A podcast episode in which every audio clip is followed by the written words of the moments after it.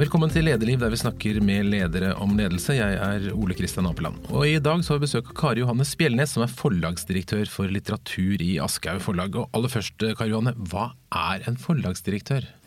En forlagsdirektør, det er vel som de fleste forlagsmennesker en eh, jack of all trades but master of none, for å bruke et engelsk uttrykk. Noe som jeg ikke egentlig eh, liker så godt å gjøre, i og med at jeg også jobber med forvaltning av norsk språk. Men eh, jeg er jo først og fremst leder for et lag som jobber med å få fram de beste bøkene, og sørge for at de når ut til leserne gjennom de salgskanalene vi har for bøker i Norge. Men er det, det er liksom, På den ene side så er det litt kunst, og så er det litt business samtidig? Ja, det er nettopp det. og det er det som er så fantastisk med forlag, eh, og som gjør at jeg opplever å ha en veldig veldig spennende arbeidsplass. Eh, fordi at i forlagslivet, eller i da eh, bokbransjen, så forener man jo det å jobbe med et verdifullt innhold, et meningsbasert innhold, og et kunstnerisk uttrykk. Det er ikke alle bøkene våre som først og fremst har et kunstnerisk uttrykk, men veldig mange har det.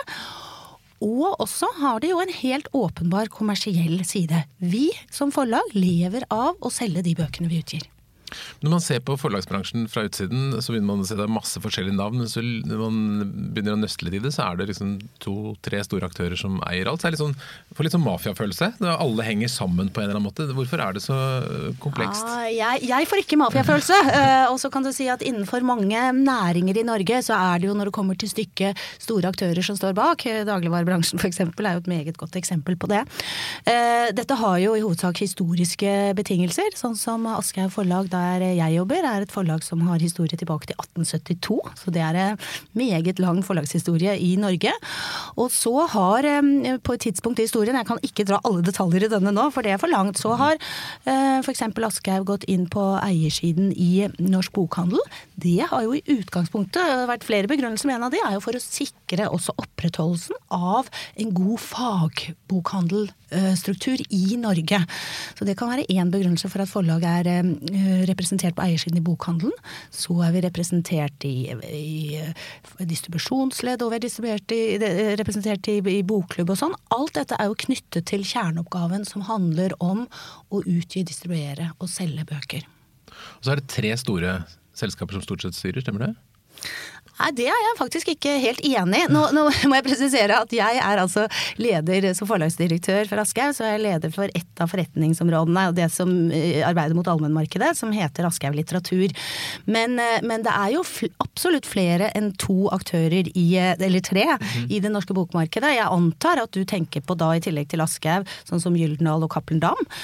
Må for ordens skyld nevne at det finnes andre aktører. Det er forlag som Vigmostad og Bjørke, det er forlag som Kagge forlag, det er er Pax forlag, så det finnes eh, flere aktører enn de tre. Det gjør det. Men nå har dere fått konkurranse i høst. Kommet, nei, I vår så har det kommet en, et nytt forlag som eh, Stordalen annet står bak. Hvordan eh, opplevde du det? Nei, altså Foreløpig er jo det et forlag som først og fremst finnes i mediene. Eh, det er viktig å si. Eh, jeg er ikke kjent med at de har utgitt en eneste bok ennå. Eh, det er jo først og fremst gjennom utgivelsene våre at forlag fremstår med det de gjør og hva de er. Men Stordalen-forlagene har jo presentert seg veldig kraftfullt i mediene.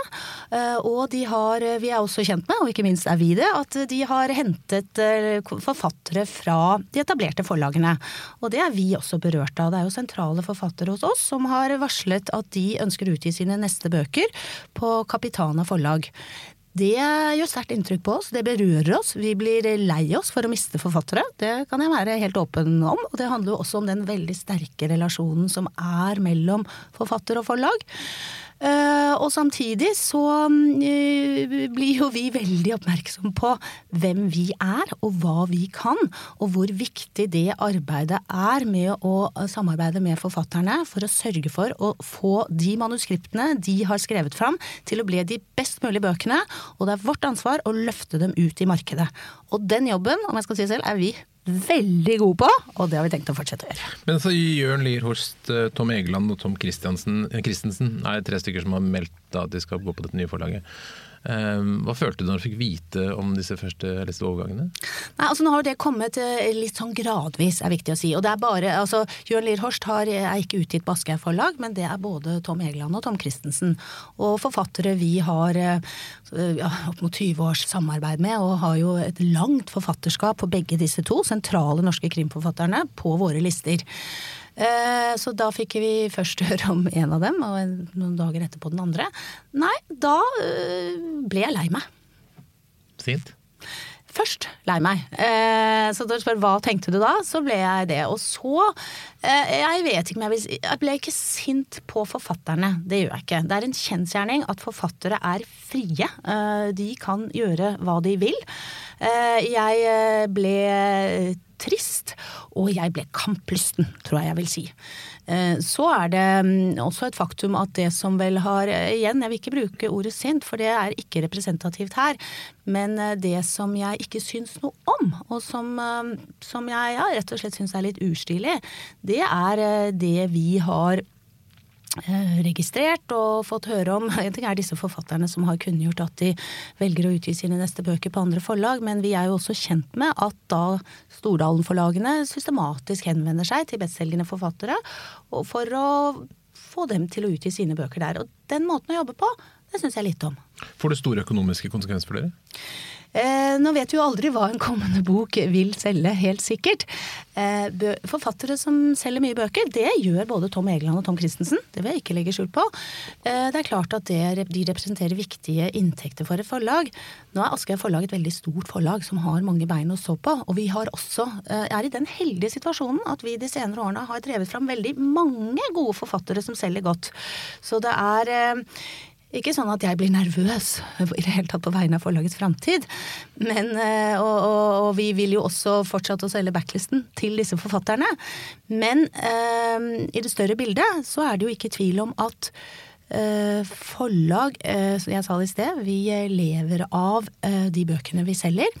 Vi trenger bestselgere for å finansiere bredden av utgivelser som vi ønsker å stå for i det norske bokmarkedet. Hva utløste dette internt hos dere? Ble folk redde? Eh, jeg tror at uh, Først kan jeg først og fremst snakke for meg selv, men det er klart jeg har utløst et helt tydelig svar på det du spør om. er at jeg har utløst veldig mange samtaler. Eh, og det har vært noen meget interessante arbeidsuker, fordi vi på en måte også har hatt anledning til å snakke om veldig mye. Så uh, jeg var inne på det i sted at det har også ført til en veldig tydelig bevisstgjøring på hvem vi er og hva vi kan, og en ekstremt stor lyst til å uh, forsterke og bygge videre på det. Uh, så er det nok også sånn, og dette vil jo være ulikt med både i hvilken rolle man har i forhold til de forfatterne som har gått, og, og kanskje også hva man jobber med, så har nok alle, eh, alle hele spekteret av følelser i skalaen har vært representert. Derfor har det også vært veldig viktig at vi som et lag, det er jo det vi er, Eh, har brukt mye tid på å snakke sammen og dele både faktisk informasjon og følelser.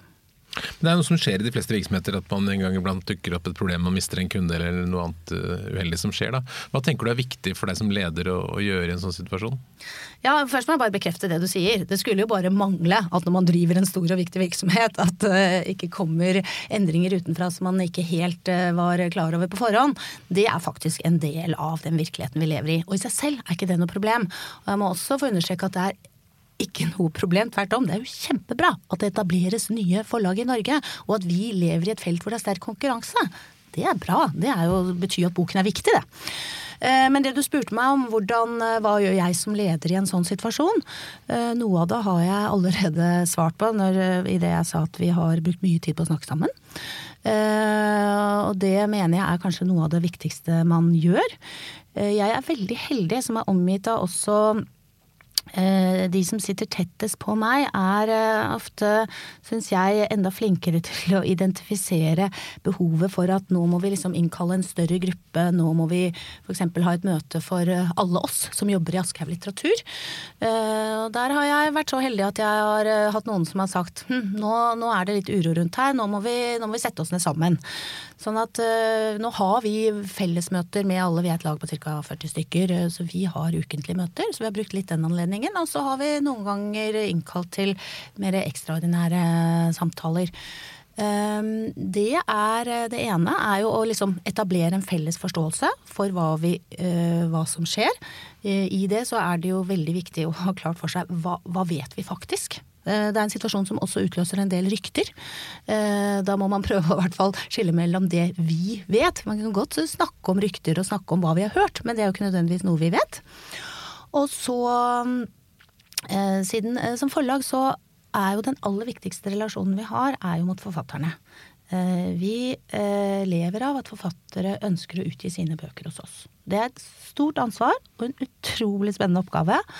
Sånn at eh, et viktig kan bruke et så pretensiøst ord som budskap fra meg i den sammenheng, er jo også at vi i den situasjonen som da oppsto, er at det er veldig viktig at vi har en er tydelig til stede for forfatterne våre. Så du har ringt og mye, drukket mye kaffe? Jeg har i hvert fall snakket med mange forfattere, og det er jo ikke bare meg som jobber som her. Så det, det, er, det, er, ikke bare jeg som verken kan eller skal gjøre det, men jeg har vært veldig opptatt av at vi gjør det, og jeg har selvsagt også gjort det selv. Men, men det viktigste er at um, at forfatterne kjenner på det at vi er der for dem.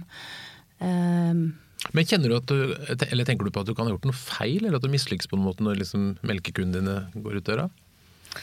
Eh, altså det vil jo være altså Jeg mener alltid man bør være åpen for at man har gjort noe feil, eller som jeg ville uttrykt meg, at man kunne gjort noe bedre. Det er absolutt i tråd med min grunnholdning. Eh, men jeg syns ikke det er så veldig interessant å dvele ved det. Eh, jeg syns det er mye mer interessant å tenke på hva skal vi nå gjøre, og hvor skal vi forsterke oss. Og du kan si en eh, også da konsekvens av uh, den uh, situasjonen, for å bruke et sånt ord som det, det, når noe kommer uventet inn, så er det jo ikke sånn at du i utgangspunktet hadde helt blanke dager, og så skal du fylle det med det som dukker opp. Slik er ikke min arbeidsdag hver dag, i hvert fall, og ikke for noen av de andre i Aschehoug heller.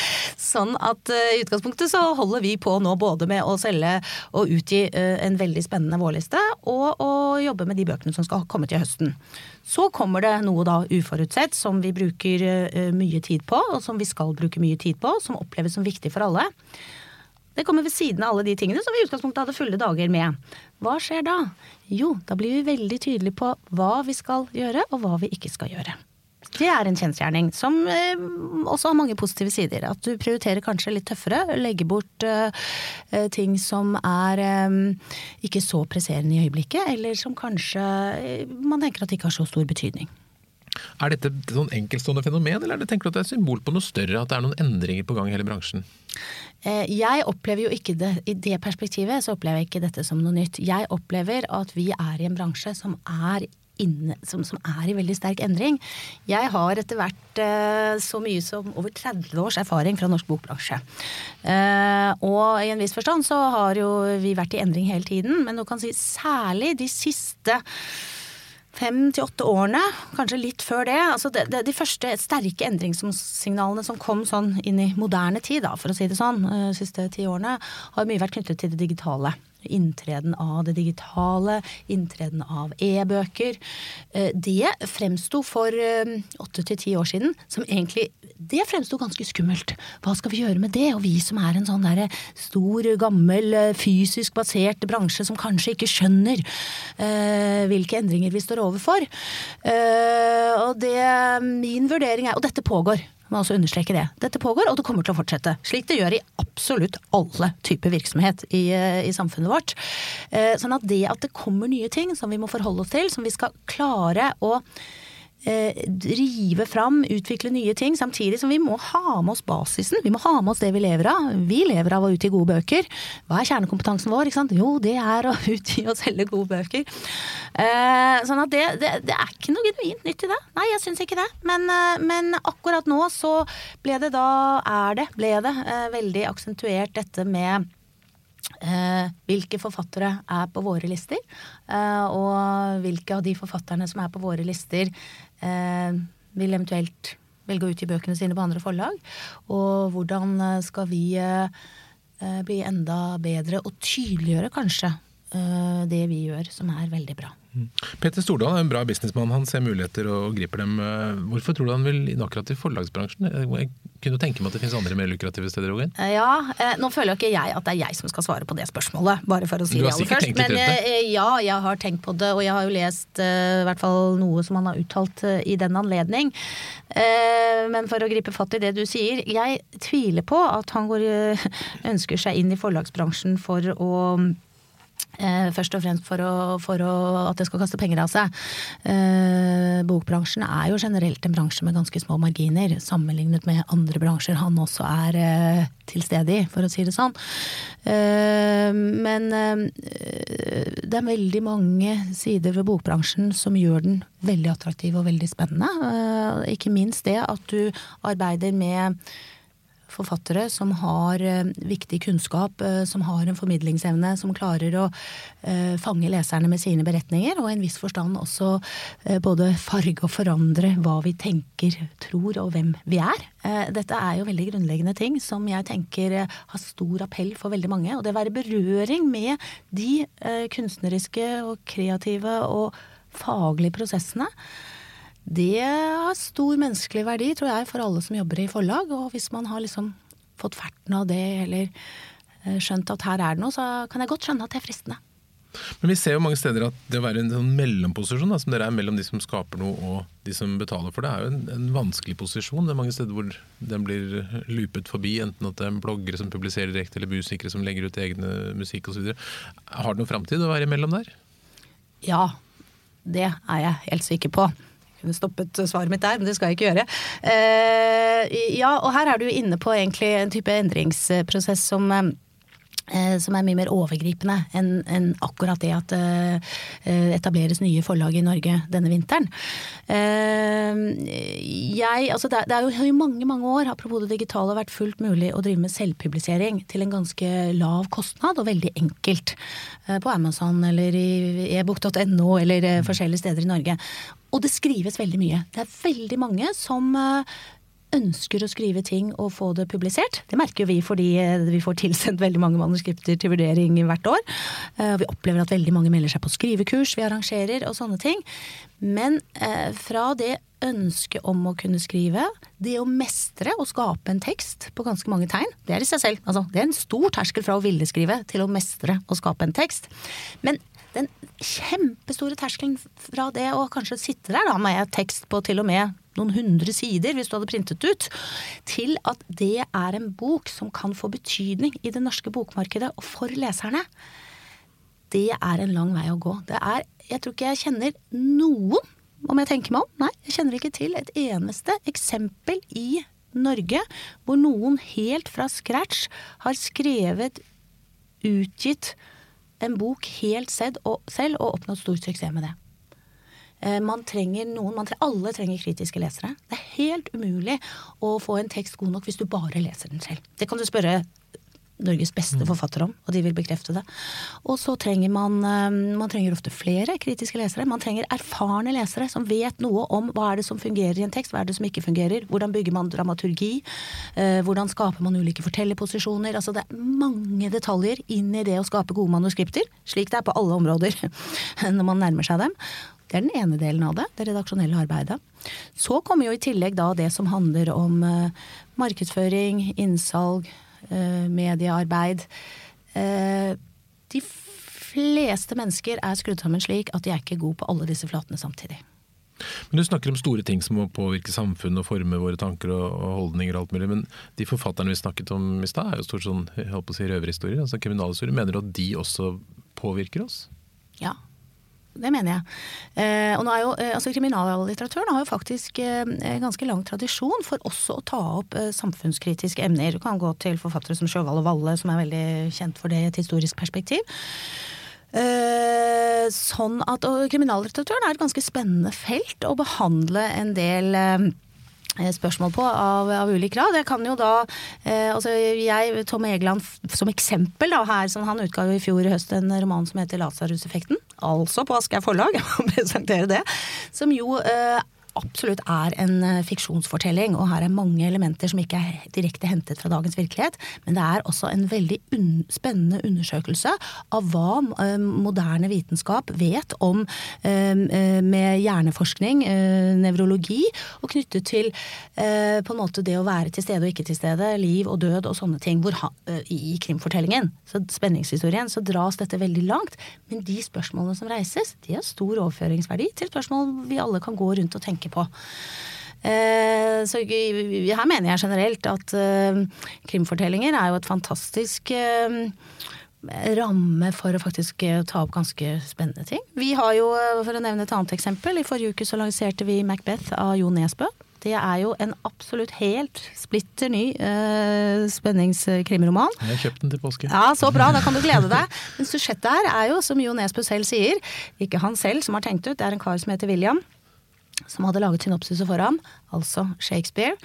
Eh, det er, Nå skal ikke jeg røpe noen hemmeligheter for deg, men, men er, jeg, jeg, hvis, hvis, jeg bare nevner at her er handlingen lagt sånn til moderne tider, rundt 1970-tallet, det er type Vestlandet eller Skottland, og det regner og det er dystert, og det er narkobander, det er korrupt politi, det er folk som ikke vil hverandre vel, for de vil bare ha makt. Altså, det er jo en eh, framskriving av tendenser vi ser i både vårt eget og andre samfunn i vår tid, som er, gjør veldig sterkt inntrykk å, å, lese, og det er ganske dystopisk.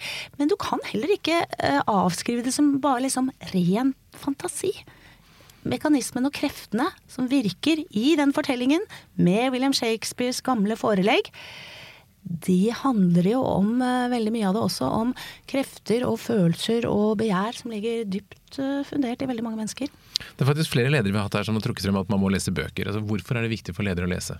Det er veldig viktig å lese for å forstå andre mennesker. Jeg eh, sier av og til til meg selv, eller de som ønsker å høre på, at jeg, vet, jeg hadde jo aldri på en måte vært den jeg er. Det er jo litt sånn pretensiøst å si. Hvis ikke jeg hadde vært veldig glad i å lese bøker fra jeg var veldig ung. Det utvider eh, vår forståelse av verden, og det utvider ikke minst eh, vår mulighet til å tre inn i andres perspektiver og se både mennesker, situasjoner, problemstillinger fra andre ståsteder enn vårt eget. Og fordi eh, god litteratur, gode bøker, jo også appellerer til innlevelsen vår, så er det ikke bare det at vi tar det til oss om vi leser en skolebok eller en fagtekst og vi intellektuelt eh, liksom skjønner at eh, ja, det historiske kapitlet var viktig. Eller det var spennende. Eh, vi, vi, det gjør noe med følelsene våre. Vi trer jo på innsiden av andre karakterer. Så det er litt som om vi var der selv. Og akkurat den dimensjonen mener jeg er viktig i det at det utvider mulighetene for hva vi kan forstå. I tillegg til at det gir oss mye kunnskap òg, da.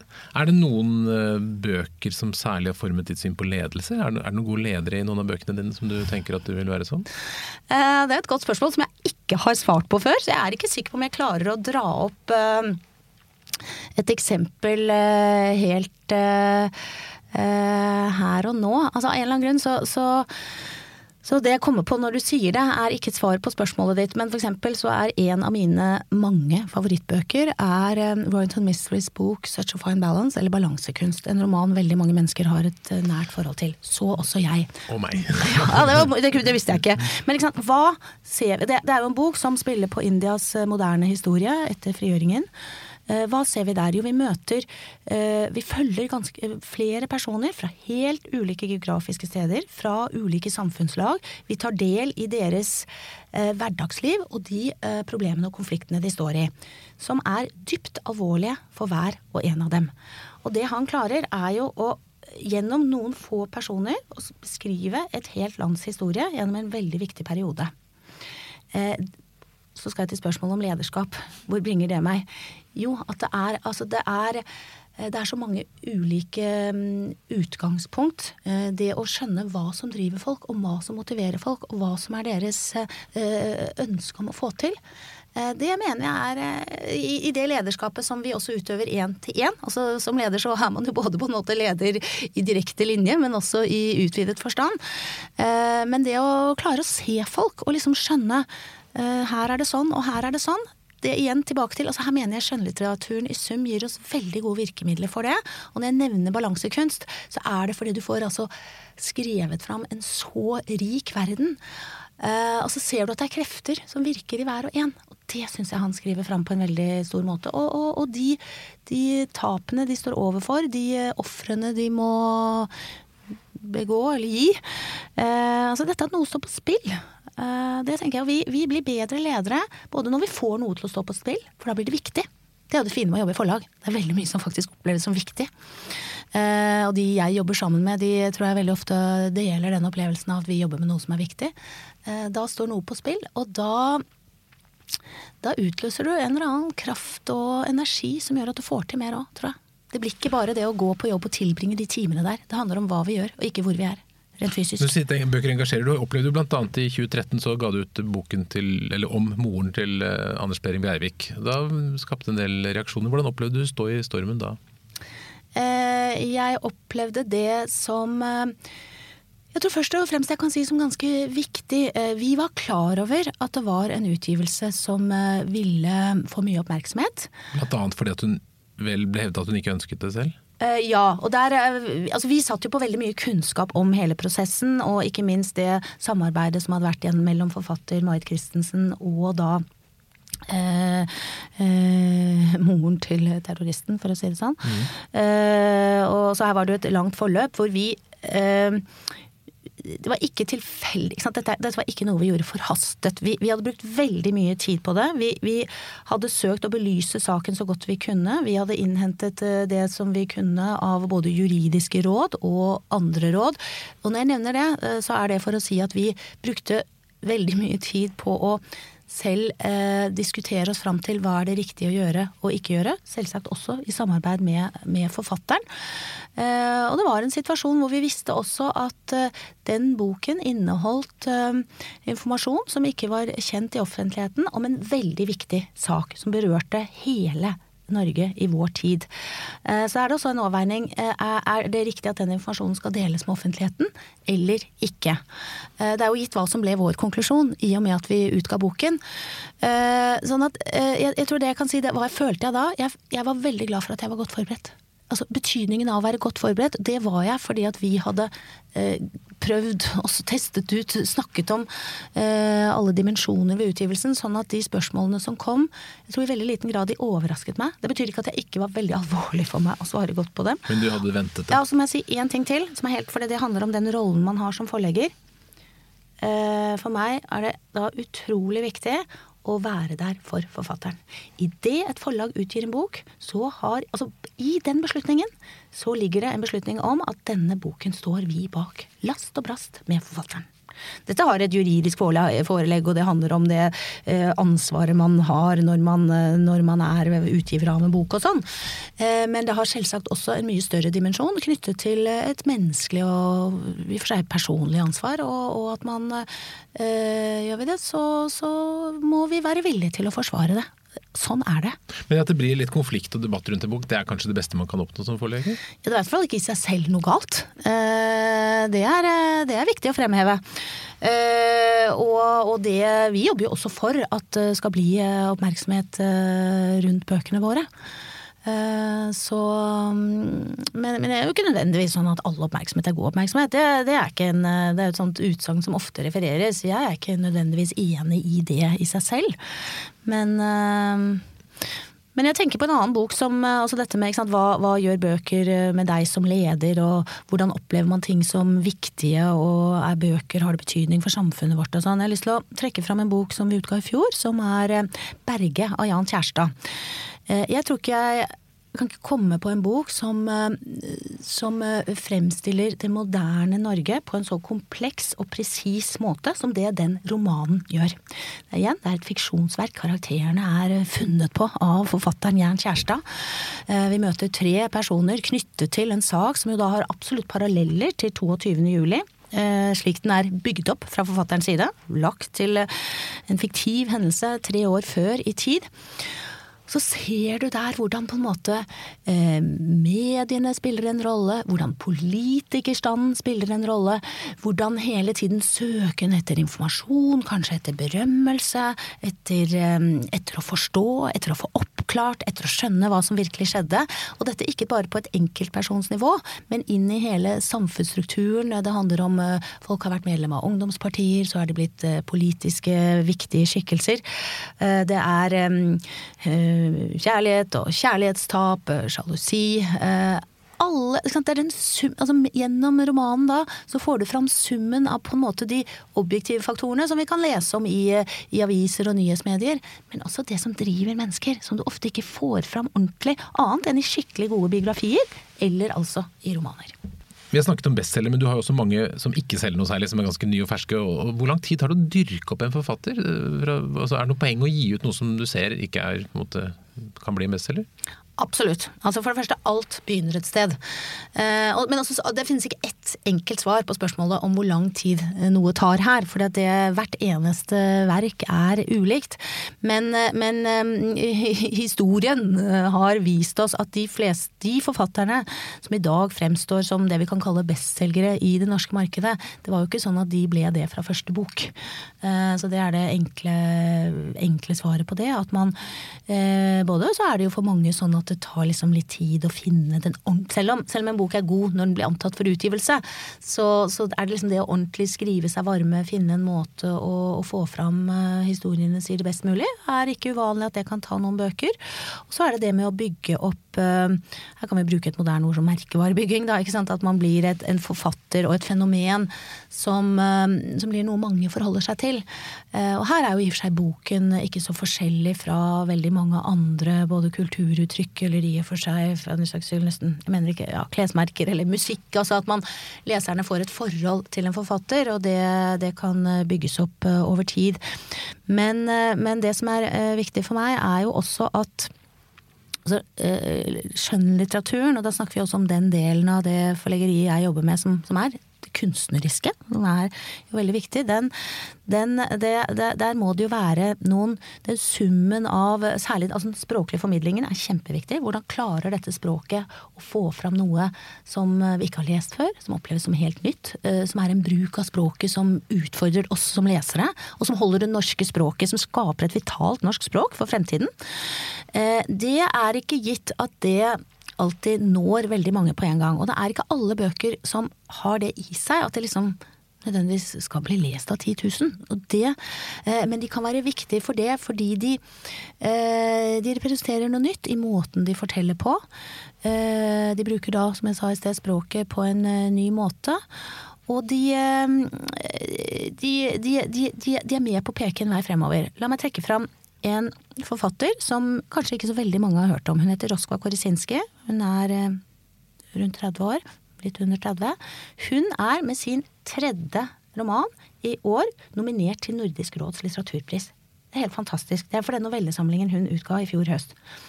Eh, det viser at hun har altså skrevet fram et litterært verk som blir vurdert veldig høyt av eh, en jury som vurderer alle skjønnlitterære utgivelser i Norge. Det er hun og eh, Carl Frode Tillers roman 'Begynnelser' som har, har fått denne utmerkelsen nå i vinter, og dette avgjøres først i september. Hvem som blir vinneren, det er jo da to nominerte fra alle de nordiske landene.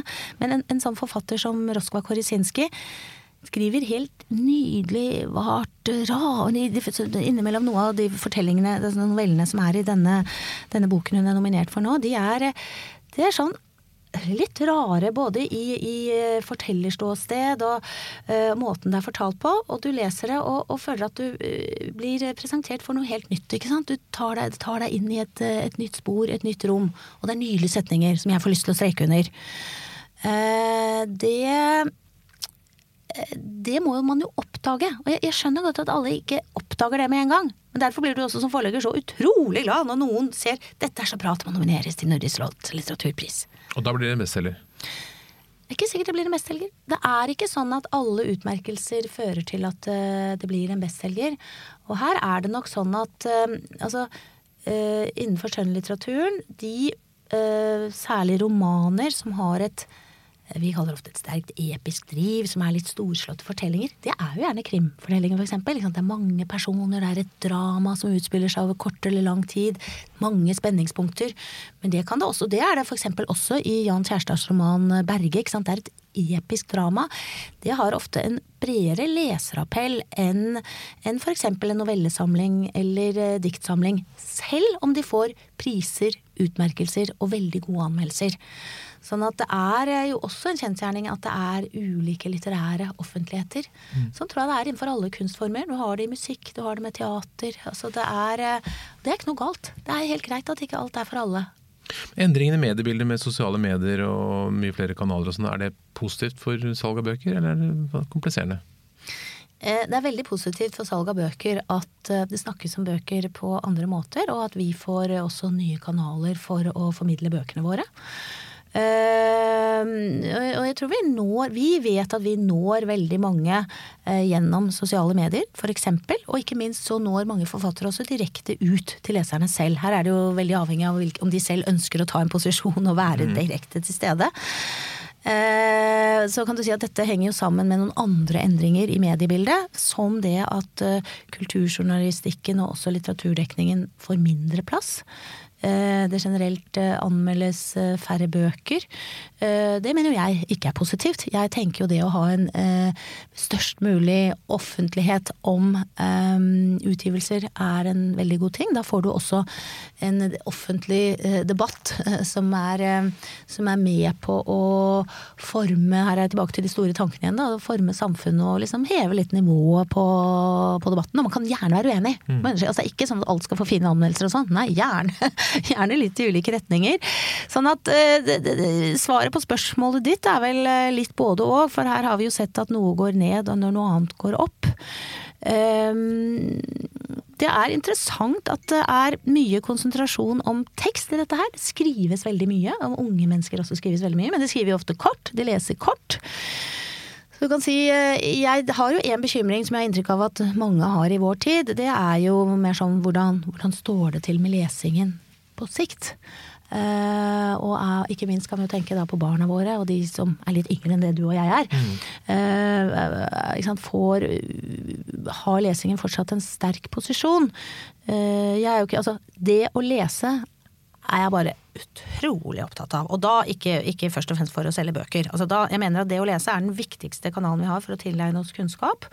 Og sånn sett for å opprettholde et um, en sterk samfunnsstruktur. Og også kan du si du, du, du, har et demokratisk problem i et samfunn hvis folk ikke kan ta til seg kunnskap gjennom å lese. Du blir enda mer avhengig av liksom tilfeldig hva man lytter til her eller der. Og, og, og det tempoet som de nye mediene representerer. Eh, det kan jo bekymre meg i den forstand at jeg, eh, vi trenger jo av og til litt fordypning. Og vi trenger noen lange flater for å lese i ro og mak mm. og sånne ting. Så ja, mens jeg, jeg utvikler svaret mitt. ikke leser så mye som foreldrene vil. Hva, hva er din, ditt tips? Hvordan, man, hvordan, skaper man lesegleden? Nei, her eh, skal ikke jeg si at jeg har uh, svaret på det. Men altså, det ene eh, jeg vil si om det, er at jeg tror man skal være Altså, så lenge barn vil lese, så tenker jeg la de lese akkurat hva de vil. Altså, jeg er veldig lite opptatt av at man må drive med noe sånn pedagogisk uh, riktig og velfundert lesing. Jeg vet jo selv hvordan jeg leste absolutt alt fra Alle frøken detektiv og slåssromaner jeg kjøpte på loppemarked og Sigrid Undset. Liksom. Det der gikk helt i ball. Jeg bare leste. Sånn, og jeg tror hvis man klarer å fange en leseglede, så, så er det veldig viktig. Uh, jeg har av og til brukt et eksempel, man skal jo være var for å trekke fram eksempler fra sin egen familie, men, men Eh, vi har to barn, og sønnen vår som er eldst, han, eh, han, er jo omgitt av mulighet til mange bøker. Ikke spesielt opptatt av å lese, akkurat som veldig mange foreldre opplever. Og jeg liksom prøvde å lokke med litt sånn voksenromaner, og nettopp krim- og spenningsromaner og sånn, bare for å få den i gang. Helt uinteressant. Ikke noe opptatt av romaner. Så vel nesten ved en tilfeldighet så dukket opp, eller foreslo mer sånn type sakprosa. Eh, altså noe som handlet om noe på ordentlig.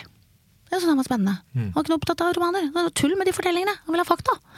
Og det, eh, jeg var jo på helt feil spor. Jeg trodde at jeg skulle gi han spenningsromaner, men han var jo ikke interessert. Så det der med å utvide bildet litt for hva man tror kan være interessant, det er kjempeviktig, og ikke nødvendigvis bruke seg selv som målestokk for det. Er det spesiell er det, er det, en enkel oppgave å lede et eh, forlag når du da har en gjeng som er veldig veldig engasjert i akkurat det du driver? For jeg regner med at alle som er hos deg, elsker bøker. Gjør det jobben enklere? Ja. Svaret er ja. Eh, altså, utrolig mye enklere enn hvis du hadde sittet der med en gjeng som syntes de hadde en dødskjedelig jobb og lurte på når de kunne gå hjem. Så det svaret er ja. Så er det klart at når du har veldig mange engasjerte mennesker, så kan du av og til nesten gå i ball og gå i beina på hverandre. Men det oppfordrer jeg som første ikke noe stort problem. Og, og mye bedre enn det motsatte, for å si det sånn. Eh, som Eh, som alle ledere, da, eh, tenker jeg, så, så er det jo eh, et element av rollen som, som er litt rart. Eh, det er jo det at vi, vi, blir litt sånn, både tante Sofie og mamma vi, når vi er damer, da. Eh, mennene blir man kanskje litt sånn pappaaktig. Eh, fordi vi, vi, må jo balansere fart og innsats. Og vi må se en helhet. Det er vår oppgave. eh, Å, å sørge for at du på en måte rykker fram på bred front, hvis jeg kan bruke et sånt uttrykk. Og ikke bare liksom sånne spydspisser her og der. Eh, og det men det er for meg en helt naturlig del av oppgaven. Jeg, og det er det som er morsomt. Det morsomme med å være leder er jo at man jobber med mennesker. Men Hvordan gjør du det? Hvordan får du med deg bred front? Det er jo et spørsmål om jeg gjør det, da. Det er jo ikke jeg som skal svare på.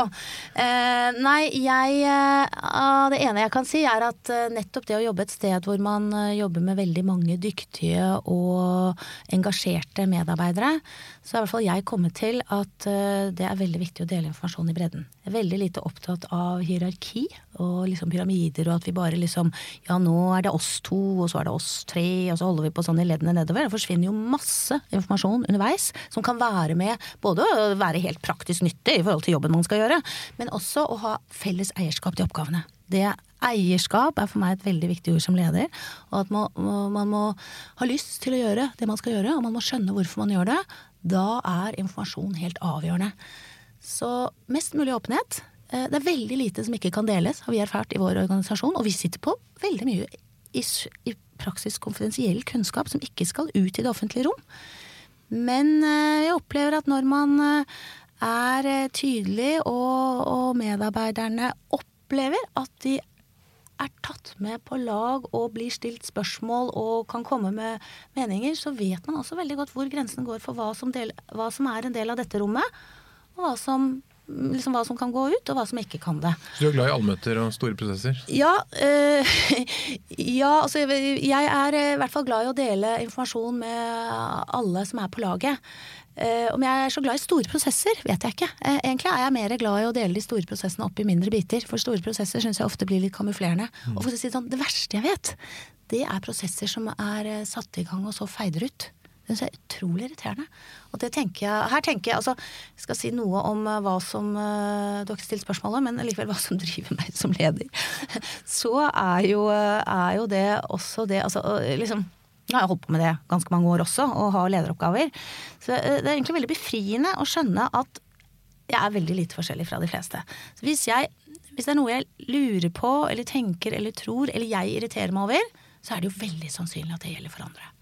Så hvis man ikke vet bedre, så kan man gå i seg selv og lure på man, hvordan man selv ville reagert på noe. Og så tenker jeg at det er i hvert fall ikke så verst unna det som gjelder for mange. Jeg er ikke spesielt spesiell. Eh, og i dette så gjelder det å, det å være inkludert. Altså jeg, jeg er opptatt av sånne enkle mekanismer som å være en del av et fellesskap, skjønne hva man skal gjøre, ha et eierskap til oppgavene. Sånn sett er jo min oppgave, og veldig ofte det jeg sier nei, ikke store prosesser, bryte det ned. Uh, kanskje én ting av gangen. eh, Stokke i rekkefølge. Vi kan ikke gjøre alt samtidig.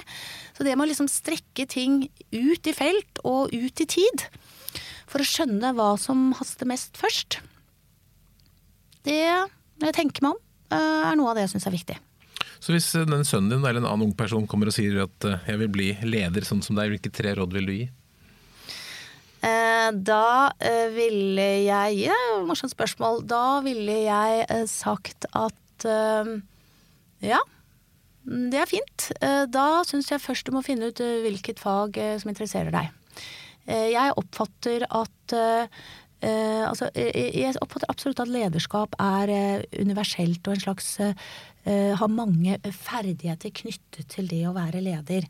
Eh, Men jeg tror nok også at eh, du er best leder hvis du kjenner feltet du er leder for. Så at det å bare være leder, det er egentlig litt uinteressant for meg. Jeg tenker at man er leder fordi man representerer noe som er større enn seg selv, og det gjør man fordi man er en del av en eh, bedrift, en organisasjon eller et fag. Så jeg Mm. Så ville nummer én er å brenne for faget, Ja. og nummer to er Nummer to er å øh, være ordentlig interessert i andre mennesker. Først, altså Mye mer interessert i andre enn seg selv. Det er, altså Som leder så er det de man er leder for, som er de interessante personene, ikke en selv. Så da er vi kommet til treeren. Mm. Og da øh, tenker jeg at hvis jeg skulle sendt, da, ikke nødvendigvis min sønn, men, øh, men en annen på et sånt slags øh, lederrettet kurs. øh, Etter at vi hadde snakket om at man hadde fått øh, fagkunnskap i bånn og en stor forståelse for at folk er viktige og forskjellige. Folk er viktige og forskjellige. Så mener jeg at det er utrolig viktig å kunne kommunisere godt. For det er der du får med deg folk. Skriftlig og muntlig. Hva kjennetegner god kommunikasjon? Det er et stort spørsmål, men er det noen ting Ja, du har lært? det lært? Ja, og jeg mener ikke at jeg er veldig god til det. Blant annet så snakker jeg jo altfor mye. Men, eh, men det handler litt om å ha tenkt gjennom eh, hva man skal si. Altså klare å stokke argumentene sine, enten ved å ha planlagt det på forhånd, eller ha en viss struktur i uh, måten man formidler på. Uh, uh, ikke ville alt på en gang. Stoppe når man har sagt det man har å si. Det var en god avslutning. Takk for at du kom til Lederliv, Kari Spillnes. Takk skal du ha. Takk for at du har lyttet til Lederliv, en podkast produsert av Apeland. Trykk abonner, så får du et varsel neste gang det kommer en episode.